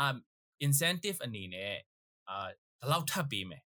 ဟုတ်ကျွေးတယ်ပြန်ဆက်ရင်အဲဟုတ်တယ် no no no ကျွေးပြန်ဆိုင်ပေါ့ဒီတိုင်းချိန်မှာသုံးထိုင်းဒီတိုင်းချီသုံးထားသူတယ်စီကပတ်စံသုံးချီနေလို့ရှိရင်ဝင်နေပါကိုသူစီကပတ်စံချီရင်ကို အာမြောမြောက်က် reward ပေးတဲ့သဘောမျိုးအဲ့ပေါ့ဟုတ်တယ်ငါ့စီပတ်စံလာချီပါဆိုတဲ့ပေါ်ပဲဗျာငါမင်းကိုอืมအာငါရဲ့ protocol token ပေးမယ်ငါမင်းငါစီပတ်စံလာချီအဲ့လိုမျိုးဆိုတော့ကိုကလည်းသိရမလားကိုကလည်းအော်မိုက်ယူရဲတယ်ပြောမလားပါအေးဟာလူကြီးတွေကတော့ဒီလိုပြောတယ်ပေါ့ဒါပေမဲ့ like what the hell what သိရမလားချီလိုက်ချီလိုက်တယ်ပတ်စံချီလိုက်တယ်ချီလိုက်ပြီးတော့မှအမ်ချီလိုက်ပြီးတော့ဘာလို့မှမလဲပေါ့အဲဟုတ်တယ်အဲ့တော့ချီလိုက်ပြီး okay ချီလို့ရတယ်လားချီပါလို့ချီပါလို့ပါလေကဲချီလက်ပါတော့လို့ရောက်ပါလာလေပြီလက်ထရောက်လာပြီအဲ့ဒါချိန်မှာကျွန်တော်က အာဒီကိုပိုင်ရိုနဲ့ကျွန်တော်ကျွန်တော်လည်းအဲ့ချိန်မှာစောက်စောက်ဝင်နေတော့အာဒီလိုပဲကျွန်တော်တော့ပတ်စံချီလိုက်ပြီးမသိဘူးဒီတိုင်းပဲ blindly ချီလိုက်ပြီးဘာညာဆိုအာမဟုတ်ဘူးဒီ YouTube တွေကတော့ကြည့်ညာ YouTube တွေပိုင်းမှာ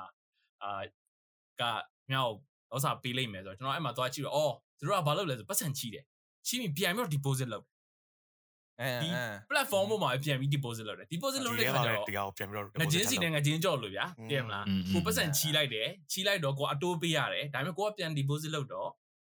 သူတို့က protocol ကကျွန်တော် incentive ပေးတယ်အဲ့တော့ငကြင်းစီနဲ့ငကြင်းကြော့လို့ပဲတစ်ချိန်ချိန်မှာဒီကိုပြန် deposit လုပ်တဲ့ပမာဏများနေရှင်ကိုကမြတ်တယ်อืมဟုတ်အဲ့အဲ့အဲ့မှာစရတော့ကျွန်တော်အာလုံးဝကျွန်တော်မန်နေဂျာကလုံးဝကျွန်တော်ရဲ့အာ ဘဝမှာတစ်ခါမှကိုဒီလိုလှုပ်လို့ရတယ်ဆိုတာဟိုကိုမသိခဲ့ဘူးဒါပေမဲ့ဒီလိုလှုပ်နေတဲ့အတိုင်းဝိုင်းခုနကကျွန်တော်ပြောရဲ10% upper layer 10%ဒီလိုပဲလှုပ်နေကြတာဟုတ်တယ်ဟုတ်တယ်ကိုပြောရကျွန်တော်ကျွန်တော်ကျွန်တော်လည်းပထမဆုံးဒီဒီဒီဒီဒီအာဗေဒီ landing market ကိုစသုံးတဲ့အချိန်မှာအဲ့အဲ့အတိုင်းပဲကျွန်တော်တို့လည်းကြီးပြင်းလာတဲ့ပုံရအကျွေးဆိုတာမကောင်းဘူးကွာအကျွေးဆိုတာမလုံးတဲ့နဲ့ရတ ကယ်တမ်းမဟုတ်ဗျာကောင်းတဲ့အကျွေးဆိုတာရှိတယ် good debt ဟုတ်တယ် yeah yeah good day yes okay တကယ်ကိုမှမရှိလို့သုံးကြလို့လို့ကြီးတဲ့အကျွေးမျိုးတော့ဒါအမှန်တိုင်းပဲမကောင်းဘူးပေါ့ကွာဒီဒီ situation တတ်နိုင်တယ်များမဖြစ်စင်တယ်ပေါ့ဒါပေမဲ့ကောင်းတဲ့ debt ကရှိ ਉਹ ရှိတယ်ဗျာဥပမာလွယ်လွယ်ပြရင်တကယ်တကယ်ချမ်းသာတဲ့ဥပမာလွယ်လွယ်ပြ Elon Musk ပဲထားပါတော့အတူမှာသူမှာသူပိုင်တဲ့ Tesla share တွေရှိမယ်ဟုတ် သူဒီအခုလက်ရှိမှာ100 billion စရှိတဲ့ပြင်သူရဲ့ network ကအလောက်ရှိမယ်ဒါပေမဲ့ network အားလုံးက liquid မဟုတ်ဘူးဗျ liquid ဆိုတာသူ cash တွေမဟုတ်100 million 100 billion က cash မဟုတ်သူရဲ့ cash percent maybe 1% 2%စရှိတယ်အဲ့လောက်ရှိမယ်နော်အာပိုင်ဆိုင်မှုတော်တော်များများသူဆိုရင် Tesla share ရဲ့ဘယ်လောက် percent ပိုင်တဲ့အတွက်အဲ့ဒါအားလုံးက Tesla share တွေကြီးပဲအဲ့တော့သူဒီအဲ့ဒါကို liquid လုပ်ချင် Tesla share တွေထုတ်ရောင်း ဟုတ်တယ်ဟုတ်တယ်ဟုတ်ရရပါဖြစ်လာလဲဆိုတော့ capital gain ဆိုတာပေးရမယ်ရောင်းတဲ့ဒါတိုင်းပြည်ပေါ်မှာမူတည်ပြီးတော့ capital gain ဆိုတာဘယ်လောက် percentage 10% 1%စရှိတယ်ဗျအဲ့ဒါတစ်ခုပေးရမယ် tax ပေါ့ tax ပေါ့ tax ပေါ့ tax tax ပေါ့နော်အဲအမြတ်ပေါ်မှာပေးမဟုတ်ဒီရောင်းတဲ့ပေါ်မှာပေးရတဲ့ဒါ tax ပဲပေါ့အဲအမြတ်ခွန်ဟုတ်အမြတ်ခွန်လို့ဆိုအဲ့ပေးရမယ်နံပါတ်1ကဒီသူသူရောင်းတဲ့ပမာဏဥမာသူဒီ cash လိုရင်လိုတလား liquidate ဖြစ်ချင်ဖြစ်မဟုတ် liquid လိုချင်လိုချင်တလားသူရောင်းတဲ့ပမာဏက तू လွယ်လွယ်နဲ့ရောင်းလို့မရဘူးဗျဘာလို့လဲဆိုတော့ဒီဒီ amount ကိုဈေးကွက်ထက်မှရောင်းမယ်ဆိုရင် Tesla share ကကျမှာပဲသိလား ဟုတ်တယ် တော့ပါတော့ Tesla share ကကျရင်ဒါဘယ်လိုပြောလဲသူ loop နဲ့သူပြန်မိသွားမယ်အဲ့တော့ तू ကလက်ရှိသူ့ရဲ့ Tesla share ကတော်တော်များများ तू ဥပမာ50 billion ဖို့ तू ပိုင်နေထားပါတော့တော်တော်များဒါဥပမာအနေနဲ့ပြောပါ50 billion အဲ့မှာ तू 2 billion ဖို့လောက်ရောင်းမယ်အဲ့ 2 billion selling pressure က Tesla price ကို crash လိမ့်မယ်ဗျာ အ crash Tesla price crash ရင် तू ငကိုကလေး50 billion တန်ကြီးရ50 billion မတန်တော့ဘူး Tesla price crash သွားရင် तू 50 billion maybe 40 billion ပဲတန်တော့မယ်30 billion ပဲတန်တော့အဲ့တော့သူ့ရဲ့အမောက်အများကြီးကို तू ဒီတိုင်းရောင်းချင်တိုင်းရောင်းလို့မရဘူးသိလား သူတွေ ပိုင် ဂျာ ဆိုင် ကြီး မှု တွေ ရ ရ ရရ ကျွန်တော်တို့မရဘူးပေါ့အကုန်လုံးရှိနေရတယ် ဒီ channel ဘယ်လိုလုပ်မလဲဆိုရင် तू market ကို time နဲ့ဖြစ်ဖြစ်ခွဲပြီးပဲဖြစ်ဖြစ်စရှိတဲ့ तू အဲ့လိုမျိုးရအောင်သို့မဟုတ် liquid ဒီ cash amount တစ်ခုလိုချင်တယ်ဆိုရင် तू ပိုင်တဲ့ဒီ asset ကို collateral အနေနဲ့ထားအပေါင်အနေနဲ့ထားအပေါင်းနဲ့ထားအဲ့ဒါကိုအတုံးတော့တစ်ခုအဲထားဒီသူတို့ဆိုအတုံးတော့ဘာပဲပြော billion သူတို့ဒီသူတို့ level မှာအတုံးတော့အဲ့လောက်မများဘူးအတုံးတော့တိတိလေးပဲအဲထားထားပြီးတော့ပတ်စံချီသူလိုချင်တဲ့ liquid amount တစ်ခုချီအဲ့ပတ်စံနဲ့သူလိုချင်တာဆက်လုပ်လို့ရတယ်အဲ့တော့အဲ့ဒါက capital gain နံပါတ်1က capital gains မပေးရဘူးမပေးရဘူးဟုတ်တယ်အဲ့တော့ဒီသူ amount လုံးဝ100%မျိုးသူချီလို့ရတယ် အဲပြီးရင်အဲ့ပြင်ကိုအာသူသူသူလိုချင်တဲ့ liquid amount ရတယ်သူပိုင်ဆိုင်မှုကလည်းမကြပါဘူးနံပါတ်1အတိုးတော့ကလည်းသေးတယ်အဲ့တော့ပြီးပြီသူဆက်လက်ပတ်လို့ရတယ်အဲ့တော့ဒီကျွေးမျိုးကဒီဒီ model ကကျွန်တော်တို့ကအခု DeFi နဲ့ဝင်လာမှစပြီးတော့ကိုကိုစပြီးတော့မြတ်ဝါတွင်နေစတွေ့ပါဒီ model ရဲ့ရှိနေတာကြာရှိနေတာကြာပြီဟုတ်ပေါ့ပေါ့อืมအဲကျွန်တော်အဲ့တို့တော့ဟိုဒီဒီဒီ model ကပိုင်ဆိုင်မှုရဲ့ asset တိုင်းက liquid မဟုတ်ဘူးဗျာ liquid မဟုတ်ဟုတ်တယ် asset တိုင်းလုံးလုံးဝ cash မဟုတ်ဘူးအဲ့တော့ဒီ model ကဘာလုပ်ပေးလဲဆိုတော့ကိုယ်မှရှိရဲ့ asset ကို asset ထဲမှာရှိတဲ့တန်ကြေးကို liquidity ကို unlock လုပ်ပေးလိုက်อืมဟုဟုတ်တ်ပါတယ်ကျွန်တော်က 1BTC ကိုင်နေထား 1BTC ပိုင်နေထား 1BTC လုံးကိုဒီ 1BTC ဆိုတဲ့ asset ထဲမှာအခုဆိုရင်ပေါက်ဈေးက3000 4000လားစရှိပြီ4000လောက်ရှိရဲ့အတွက်ဒီ 1BTC ထဲမှာ4000တန်ကြေးရှိရဲ့ liquidity တန်ဖိုးတစ်ခုရှိရဲ့ပေါ့ဟာအဲ့အဲ့ဒါကို အဲ့4000ထဲကဒီ 1BTC ကိုလည်းကျွန်တော်ကျွန်တော်ပိုင်ဒါကျွန်တော်စုထားရတဲ့အတွက်ကျွန်တော်မရောင်းလိုက်ချင်ဘူးတစ်ခုလုံးအဲဒါပေမဲ့ဒီထက်က liquidity နည်းနည်းကိုကျွန်တော်သုံးချင်ဟို2000ဘိုးလောက်ကိုကျွန်တော်တနေရာမှာသုံးချင်တယ်စရှိသဖြင့်အဲ့ဒါ 1BTC ကိုလို့အားပေးလို့မြန်မာ collateral အနေနဲ့ထားပြီးတော့2000ဘိုးလောက် liquidity unlock လုပ်ပြီးအဲ့2000နဲ့အဲကျွန်တော်လောက်ဆရာရှိရလုံးမယ်အဲ့2000ကို maybe တခြားနေရာမှာဆိုအဲ့2000ပေါ်မှာအတိုးတစ်ခုထပ်ရနေအဲကျွန်တော်တစ်နှစ်ကြာတဲ့အခါမှာဒီ2000က 3000ဖြစ်သွားမယ်ဥပမာ3000ဖြစ်မယ်3000 2000ဝယ်ဖြစ်သွားမယ်အပြန်တစ်နှစ်ကဒီတိုးတော့ AV ပေးရဒီ BTC ကလေ collateral အနေနဲ့ပေးထားတဲ့အတွက်ဒီဒီဒီ1 BTC ကလည်းတစ်နှစ်ကြာမှာသူ percentage တစ်ခုတိုးသွားပြီဒါတက် RV ကသွားတယ်ဒါဟုတ်တယ် collateral တဲ့မှာပတ်စံစုထားလို့ပဲလေပေးထားတာဟုတ်တယ်อืมအဲ့မဲ့သူစီကချီးထားတဲ့2000အတိုး percentage ကလည်းအတိုးနှုန်းနည်းတဲ့အတွက်ကျွန်တော်2000ခွဲတဲ့ကဒီအတိုးနှုန်းဥမာ3-4000ကျွန်တော်ပြန်ပေးရမယ် maybe 3000လောက်ပေးရမယ် အဲ့တော့ကျွန်တော်က basically 2000မြတ်သွားတယ်ဒီ2000မြတ်တယ်ကျွန်ဟုတ်တယ်တော် yeah ကျွန်တော်ဒီတစ်နှစ်ထဲမှာ loop လိုက်တဲ့အတွက်อืมအားလုံး 1 BTC နဲ့ပဲကျွန်တော်အရင်ဘာမှ new capital ဒီထပ်မထည့်တာဘူးဒီဒီကျွန်တော်ပိုင်ဆိုင်တဲ့ 1 BTC ဒီနဲ့တစ်နှစ်ထဲမှာပြီးတော့ပဲ yeah ဟုတ်ကဲဒါဆိုရင်ပြီးတော့ DeFi app တွေကဒါအခု Aave တစ်ခုတည်း scenario တကယ်တမ်းဒီထဲမှာဆက်ပြီးတော့အများကြီးဆက်လုပ်လို့ရပြီအားလုံးကဒီမှာအချင်းချင်းချိတ်ဆက်ထားတော့တကယ်တမ်းအဲ့2000က ဟိုဘက်ယူသွားရင်ဒီမှာဆက်ပြီးစုထားမယ်အစရှိတဲ့ stake ထားမယ်အစရှိတဲ့ပြင်ဆိုရင် percentage ကထပ်တိုး ဟုတ်တယ် option ဒီဒီကိုလုံနိုင်လုံလို့ရရတယ်အရင် endless ဖြစ်သွားပြီတဲ့ ဟုတ်တယ် အဲ့အရင်မိုက်တယ် အဲ့ဒီ feeling อ่ะအဲကျွန်တော်ပြောအဲ့ဒီ feeling อ่ะဟိုကိုကိုကိုလေးအာငါအာလွန်ခဲ့တဲ့တစ်နှစ်နှစ်နှစ်လောက်ကပြောရမယ်ဆိုရင်ဒါကိုကို wish ပေါ့နော် DeFi ကလည်းတစ်နှစ်ခွဲရတစ်နှစ်ခွဲနှစ်နှစ်လောက်ပဲရှိတယ်တော့လွန်ခဲ့ငယ်တော့ဒါတွေတိခဲ့ရမှာပေါ့ ကျွန်တော်ကျွန်တော်ပညာရေးစနစ်ကြီးရောအဲ့လိုဖြစ်နေတယ်ငွေအကြောင်းအကြေးအကြောင်းမတင်မတင်တဲ့အတွက်ကြောင့်ကျွန်တော်တို့မသိဘူးအဲ့လိုမျိုးလည်းဖြစ်နေရလဲပါကျွန်တော်တို့ကျွန်တော်တို့က usually ဆိုဘယ်လိုလဲဆိုတော့ကျွန်တော်တို့ share ဖလာရဆိုရင်အလုံးလုံးပတ်ဆက်ရမယ်ပတ်စံစု yeah ဒါပဲကောင်းနေတာတော်တော်လုံးဒါပဲဟိုလူကြီးတွေတော်တော်များများပြောတာဟုတ်တယ်ပတ်စံစုဟုတ်တယ်ပတ်စံစုဒါပဲအလုံးလုံးအလုံးလုံးအဘယ်လုံးလိုလုံးမှလုံးဆိုဝတော့မကျွန်ရတော့ပတ်စံတော်ဆိုလည်းအဲ့လိုပဲလေဒါအတင်မှာနည်းနည်းလေးလှုပ်လေးပါလေလှုပ်တင်မှာနှစ်လေးပါရလာတော့ လာသာလေးနည်းနည်းများလာတဲ့အချိန်မှာအင်အားလူတွေပြောတာဟာနေအိမ်ဝယ်ဖို့တဲ့ပတ်စံစုအောင်ဟုတ်တယ်ဘယ်လိုစုမလဲပေါ့တဲ့ပါဥမာရန်ကုန်မှာဆိုရင်တင်မှာတိုက်ခန်းတစ်ခန်းတင်မှာကိုနေခြင်းတဲ့ပုံစံဆိုလို့ရှိရင် okay တင်သိန်းတင်မှာတော့ကိုကိုစိတ်တိုင်းကြပါတော့လုံးမယ်ဆိုရှင် okay တင်မှာသိန်း800သိန်း1000တင်မှာ maybe ရှာကြီးလောက်ချင်တယ်သိန်း2000လောက်ထိဒါကျွတ်သွားမှာနော်ကျွတ်သွားဆိုတော့ okay အဲ့ချိန်မှာကိုကကိုလာသာထားပါတော့တင်မလားဟိုပုံမှန်တဲ့ manager လိုမျိုးတင်10သိန်း15သိန်းရတယ်ဆို okay တဲ့အဲ့သိန်း1000ဆိုတဲ့ဟာကြီးကို10သိန်းကိုအော်ဘ ယ်လိုစုရဘမလို့လဲစုအောင်ဟုတ်ပါဟိုကြီးဟုတ်ပါရေမရေမတောက်ပဲနေရေမတောက်ပဲနေအောင်10နှစ်စုဟုတ်တယ်အောင်ဟုတ်တယ်ပြီးတော့ဟုတ်တယ်မလားတသက်ကြီးဖယ်ပြီးတော့အဲပြီးကိုနေရတယ်ဟုတ်တယ်တင်မှာဒီအဲကိုကကိုတင်မှာအလုပ်တွေပါလို့တင်မိတ်ဆွေတွေရတင်မှာဟွာရတင်မှာအဲ့ဆိုတော့ပတ်စံတချို့ဟာတွေက okay တင်မှာဟို entertainment အတွက်တုံးတဲ့ဟာပြပါလေလည်းရှိအဲ့နေမဲ့ပါ okay လေအဲ့ဒါကိုဟိုမဖြစ်ဘူးဆိုတော့မှဥမာကျွန်တော်လိုမျိုးဆိုရင်ဒါကျွန်တော် partner နဲ့သွားတွေ့ရတယ် အဲ့လိုမျိုးဆိုရင်တင်မှာတို့ကချင်းရင်ကိုကလည်းတင်မှာပတ်စံဆိုင်မှာဟုတ်တယ်ကိုကတိုင်းတင်မှာ freebie ဆိုပြီးသွားလုပ်ပြီးတော့တို့နဲ့ဟို business အဲ့လိုမျိုးတကယ် proper လုပ်လို့မရဘူးလေတင်မှာတို့ဟုတ်တယ်တင်မှာဟိုသူတို့တင်မှာသူတို့ကကိုရက်လုံးဝယ်တိုက်ရင်ကိုလည်းနောက်တစ်ခေါက်ကြာရင်တွေ့ပြီးရင်ရက်လုံးယူလာဒါဒါရရှိဒါပြည့်ဆိုတော့အဲ့ချိန်မှာရှိရကိုကတင်မှာဟိုဥမာထားလိုက်ပါတော့တစ်လကိုတင်မှာဟို ပုံမှန်ကိုတင်မှာ2သိန်း3သိန်းလုံးရခဲ့ဘူးတဲ့တော့အဲ့လိုမျိုးတင်မှာ3သိန်းလောက်လေးကိုပဲမရရအောင်တစ်လားလုံးသုံးမယ်ဆိုတဲ့ဟာအဲ့ချိန်ကျတော့မလွယ်တော့ဘူးအဲ့ဒါကိုကိုနဲ့တွေ့နေတဲ့ပါနာတွေနဲ့တင်မှာအဲ့လိုမျိုးတွေနဲ့ဟာအဲ့တို့ကအဲ့လိုမှမတုံးတာတင်မှာကိုအဲ့ချိန်မှာတင်အာကျွန်တော်ကတော့တင်မှာဘရိုတင်မှာမီတင်ပြီးွားလို့တင်မှာ okay ဒီဟာတော့တောက်အောင်ဆိုကိုက9000ထုတ်တာတော့ဘာလို့မရဘူးလေမရဘူးဟုတ်တယ်ဒါ3 4000ထွက်ရမှာပဲဒါကိုကတင်မှာကိုကိုအထားလဲကိုထိန်းရတာအဲ့ဆိုတော့တင်မှာ အဲ့မှာဟိုဖြစ်ကုန်တယ်မဖြစ်နိုင်တော့ဘူးကွာဒီလာဒါကြီးသိန်း2000ကြီးကိုဟုတ်တယ်ဟုတ်တယ်ဟိုထီပေါင်းမှာပဲရတော့မယ်ဟုတ်တယ်အဲ့ကြောင့်မို့လို့လေတင်မြန်မာလူမျိုးတွေကဒီပေါက်တော့ကျွန်တော်တွက်ကြည့်တော့ထီပိုင်တော့မလို့ဒီပေါက်တော့ကုန်သွားမှာပဲအဲအဲဒါပေမဲ့အဲ့အကြောင်းလို့လဲကျွန်တော်ထင်တယ်ဒီဒီပေါ့နော်မြန်မာဒီမှာအဲ့ထီထိုးတဲ့ဘက်ကိုလည်းအရန်ဟိုဟွာဖြစ်ကြတယ်ဟုတ်ပြကဲ့ပါပါဆိုတော့ဟိုအခုလူငယ်တွေဆိုလဲအဲ့လိုပဲလူငယ်တွေအောင်မဟုတ်ပါဘူးကျွန်တော်တို့ရွယ်တွေဆိုလဲအဲထီကတော့အခုအခုမှသာပေါ့နော်ဒီဒီတည်းမှာအာနာသိန်းတဲ့ကိစ္စနဲ့ထီမထိုးကြအစတုန်းကဆိုတည်းမှာ လမ်းမှာတည်းဘီယာပဲဘီယာတောက်နေနေတည်းထီတိုင်းတွားရောက်လာရင်ဥမာလည်းထီကမနှက်ဖန်ဖွင့်မယ်အခုဆိုအခုလိုပေါ့29ရက်နေ့နှက်ဖန်တပတ်ခါထီဖွင့်မယ်ကောက်ဝယ်တယ်ဟုတ်တယ် does it make sense ပေါ့တည်းဘာလို့လဲဆိုတော့ဒီမှာဒါကလေ probability probability ကလည်းနည်းနည်း promo လေးရတာကြီးရတယ်အဲဘာလို့တဲ့မှာ okay တဲ့မှာအိမ်ဝယ်ခြင်းနဲ့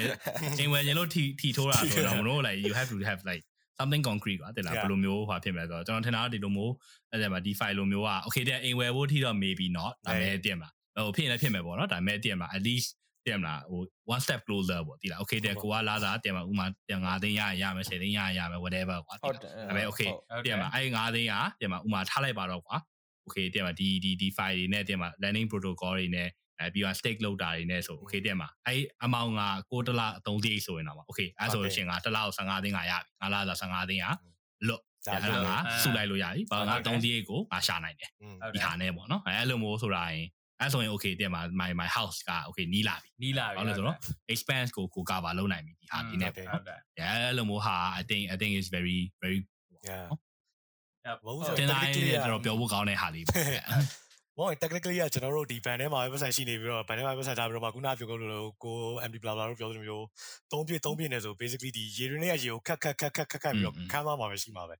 အမှတက်မှာကျွန်တော်တို့ကတက်တဖြည်ည့်လဲပြီးဒါတော့ပဲပြန်ဖြည့်မှာပဲဒါပဲပြန်လာအဲ့အမှတက်မှာကျွန်တော်တို့ကတည်မလားဟိုနည်းနည်း privilege လည်းဖြစ်တယ်ပြီး healthy လည်းဖြစ်တယ်ကွာ okay တည်မှာဟိုစေးရုံဆိုတည်မှာတစ်နှစ်မှာတစ်ခါမသွားဘူးဟုတ်တယ်ဟုတ်တယ်ဟုတ်တယ်ရန်အရန်နေမကောင်းဖြစ်တဲ့လူမဟုတ်မဟုတ်ဘူးဆိုတော့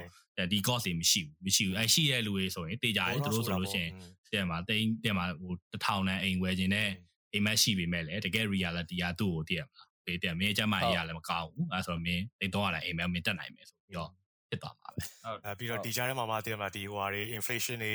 ဒီ expense ဟုတ် cost တွေကဟုတ်တယ်ပိုတက်လာမှာပဲဆိုတော့อืมဒါစာ okay တိုးရင်တိုးပါပဲမဲ့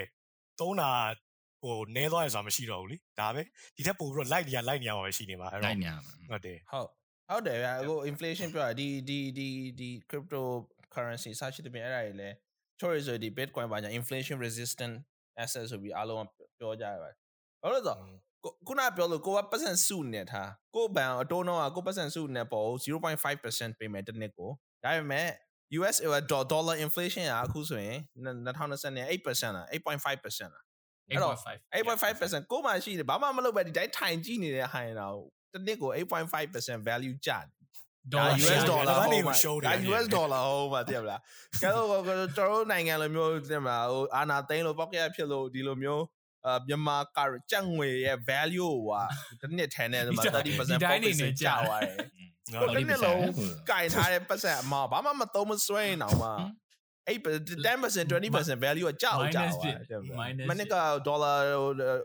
ဒေါ်လာဒေါ်လာကိုအ1800လာနဲ့ဒေါ်လာကို whatever 2500ဖြစ်သွားတယ်အစရှိသည်ဖြစ်ဟိုလေအာနာသိန်းတာဆိုလဲလို့ပဲလေအာနာမသိန်းခင်တော့ဆိုကျွန်တော်တို့လည်းတင်မှာဘန်ထဲမှာစုထားတဲ့ပတ်စံဆိုတာထက်ဒီလားဟိုမသုံးပြတဲ့ပတ်စံဒီလားဟိုကျန်တဲ့ပတ်စံပေါ့လေဟိုဘယ်လိုပဲဖြစ်တင်မှာကိုတင်မှာကွက်ကို AC တုံးတယ်အရင်ကြီးတင်မလား ဟိုအရင် splash မလုပ်ဘူးတင်ကွက်ကို AC လေးပဲတင်ကိုစားချင်တာစားတယ်တင်မှာနည်းနည်းလေးပို့တဲ့ပတ်စံတွေရှိအဲပတ်စံတွေကအာနာလည်းတင်းပြီးတော့တင်မှာ2လလောက်လည်းနေရောတင်ဒေါ်လာတွေက1300နေပြီးတော့1900ပဲသွားဖြစ်သွားတဲ့အချိန်မှာဟုတ် what the fuck ပေါ့တင်ငါငါပတ်စံဥမာထားရပါကွာတင်သိန်း100ပဲရှိရသိန်း100ကနေနေထိုင်တင်သိန်း90လောက်ဟုတ်တယ်လက်ထဲမှာသိန်း100ရှိနေမယ်ဘန်ထဲမှာသိန်း100ရှိနေမယ် value ရဒေါဆို်ရလာနဲ့ဘယ်ဒေါ်လောက်မှလာမရှိနဲ့တော့ပဲတော့ဥမာထားရပါကွာတော့တွားလွယ်အောင်တင်သိန်း130ရှိရဆိုလို့ရှိရင် okay တဲ့ I have 10000 dollar ပေါ့ ပြီးอืมပြီးလည်းပြီးတော့တင်နောက်3လလည်းနေရော no you don't have 10000 then you have like 7000 what do you ဟုတ်တ talking ယ်ဘာမှမလုပ်သေးတော့ဒီတိုင်းတော့ value ကဒီဘာတိုလို့င်းလဲကြာကိုဘာလုံးမနေဘူးတင်ကွာ case လေးထိုင်ပြီးတော့တင်မှာဘန်ဘန်တို့က okay ဒါမြန်မာပြည်ကဘန်တို့ကတော့ okay တဲ့8%လောက်ရတယ် okay fine ပေါ့ဒါပေမဲ့ခုနကလိုမျိုးတင်40%လောက်ထိ plus ဆိုဖြစ်သွားတဲ့အချိန်မှာအဲ8%လည်းလာမပြောဘူးမှလာမခဲ့နိုင်ဘူးဟုတ်တယ်ဟုတ်တယ်ဟုတ်တယ်အဲ့မှာတင်မှာဟိုပစ္စည်းဝယ်တာကြီးကအစားတင်မှာရင်တော့ဆို okay တင်မှာ အဲတင်မှာဟိုကိုကိုပိုင်ရိုစီကိုတင်မှာအစားဟိုပစ္စည်းတွေမှားတယ်တင်မှာအသားကြီးမှာဆင်ကူလိုက်တင်မှာငါငါလာကောက်မယ်တင်ပစ္စည်းလာကောက်မယ်အဲ့ဒါကြီးအကုန်လုံးကလည်းဟာတင်မှာဟိုပုံမှန်တင်မှာငါအတွက်မထားဘူးမြန်မာဝင်နဲ့3သိန်းတန်နဲ့ဟိုတင်နှစ်ချက်ဆိုလို့ရှိရင်9သိန်းဖြစ်သွား9သိန်းလောက်ဖြစ်သွားပြီဟုတ်တယ်အဲအဲ့ဆိုတော့တင်ငါဘာမှားသွားလဲပေါ့အဲအဲ့လိုပေါ့နော်အဲ့လိုဆိုတော့ရဒီဒီအဲ့မှာလဲကျွန်တော်လဲစပြီးတော့ပေါ့နော် okay တင်အဲ့ဆိုရင်တော့ငါရဲ့ပတ်စံတွေအကုန်လုံးကိုမြန်မာဝင်နဲ့မထားတော့ဘူးတင်အကုန်လုံးတော့ပြီးတင်မှာသွားမယ်တင်အဲ့အချိန်မှာ အဲကိုဘိုင်ရိုကလည်းပြန်ပါ okay ပြန်ပါ pro anchor ရှိတယ်ပြန်ပါ19%ရတယ် okay ပြန်ပါ fine ပေါ့19%ဆိုရင် pro ပဲဖြစ်ပြန်ငါတစ်နှစ်နေလို့ရှိရင်ပြန်ပါဟိုခုနလိုပေါ့နော် inflation နဲ့ပြန်ပါဒီဒေါ်လာကြောင့်မို့လို့မြန်မာငွေကြောင့်မို့လို့ပေါ့နော်ဥမာ40%ဆိုတော့ငါတစ်ဝက်ပြန်ကျန်တယ်ဟုတ်တယ်ဟုတ်တယ်အဲ့တော့ okay ပြန်ပါအဲ့ဆိုရင်90%ကိုက US dollar ပေါ်မှာ19ရ US နဲ့ရမှာ US နဲ့ရမြန်မာ currency ကကြာအဲ့တော့မကြောက်ဘူးဝယ်တဲ့နေ့ဝယ်တဲ့နေ့နဲ့ပြန်ပြီး relatively တွက်ရင်တူတူလောက်တောင်ပြန်ဖြစ်ဖြစ်သွားနိုင်တယ်ပေါ့နော် အဲ့လိုဆိုတော့ okay သူအဲ့အကုန်ရှေ့လိုက်တယ်ပေါ့အဲ့လိုမျိုးပေါ့နော်အဲ့အချိန်မှာခုနဟွာဟို YD ပြောလို့ပေါ့ okay တဲ့အဲ့ပတ်စံတွေအဲ့ရောက်သွားပြီတည်လားအဲ့အချိန်မှာချီလို့ရတယ်ငှားလို့ရတယ်ဆိုတဲ့အချိန်မှာ okay အဲ့ချီပြီးငှားပြီးတော့မလုပ်ရမလဲအဲ့တော့ခုနလိုမျိုးအဲ loop လုပ်တဲ့ဟာပေါ့နော်အဲ့ option တစ်ခုဖြစ်သွားတာပေါ့အဲဆိုတော့အဲအဲဆိုရှင် example ကအခုတင်မှာဒီကိုပတ်စံနေကိုစုထားတဲ့ပတ်စံတွေကိုဒီ chain တစ်ခုပေါ့နော်ဒါကိုကြိုက်တဲ့ chain ကိုရွေးရွေးပြီးသွားရင်အဲဒီမှာထည့်ထည့်ပြီးသွားလို့ရှိရင်ပြန်ချီ ချီပြီးသွားရင်ပြန်ထည့်အဲဒါဟို very simple ဟာပေါ့နော်ဒါဘယ်မှမသွားဘူးပြန်ကို select a chain and then stick to it အဲဆိုတော့ဒီတခြား chain တွေတခြားဟာတွေနဲ့ဟာတွေဆိုလို့ရှိရင်ရောဘယ်လိုမျိုးဖြစ်သွားအဲဆိုတော့ဒီကပတ်စံထုတ်ပြီးတော့ဟိုဘက် chain တွေကိုသွားထည့်တာဒါပဲပေါ့ပြင်မှာအဲလိုမျိုးအရင်ရော I I I think အဲ့ဟာလေးကကျွန်တော်တော်တော်နည်းနည်းတော့ရှင်းသွားပြီပေါ့နော် ဒဒီ episode ကလေးကို part 1 part 2အနေနဲ့တင်ဆက်သွားမှာဖြစ်ပြီးတော့ guest အနေနဲ့ကို MT နဲ့ကို Siva တို့ကလည်းဝင်ရောက်ဆွေးနွေးထားတာဖြစ်ပါတယ်ဒီတစ်ပတ် episode လေးကိုဒီလောက်နဲ့ပဲရန်နာခွင့်ပြုပါခင်ဗျာနောက်တစ်ပတ်မှာလည်းဒီ D5 ကိုဘယ်လိုအသုံးပြုရလဲဆိုရဲ part 2ကိုဆက်လက်တင်ဆက်သွားမှာဖြစ်ပါတယ်နောက်တစ်ပတ်မှာပဲပြန်တွေ့ကြတာပေါ့အားလုံးကိုကျေးဇူးတင်ပါတယ်